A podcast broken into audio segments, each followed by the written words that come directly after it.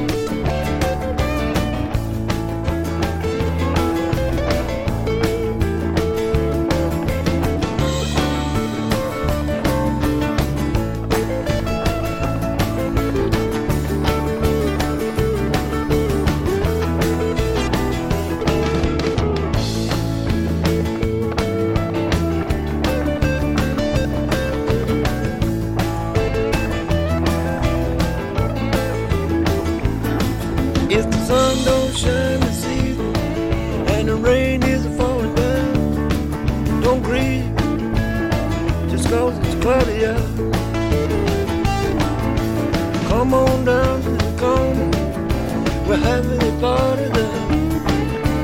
You can dance naked, nobody really cares. Roll on, just keep rolling on. Roll on, just keep rolling on. Well, if your mind is a heavy lady and your thoughts keep getting you down, don't you worry, honey, we'll all rise here down.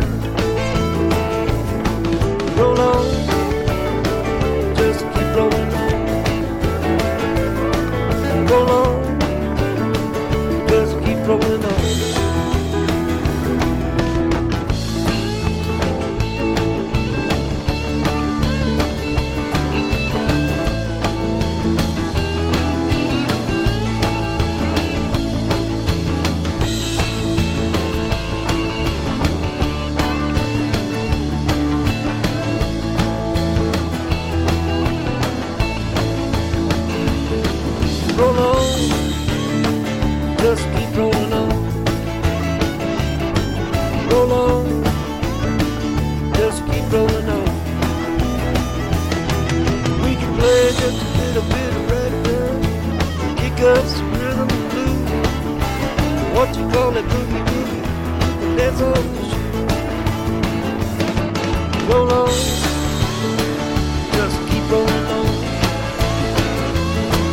just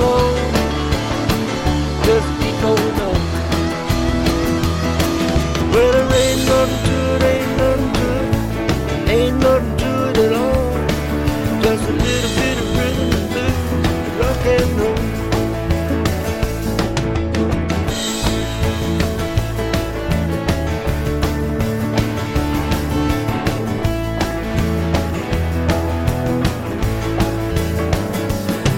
roll on.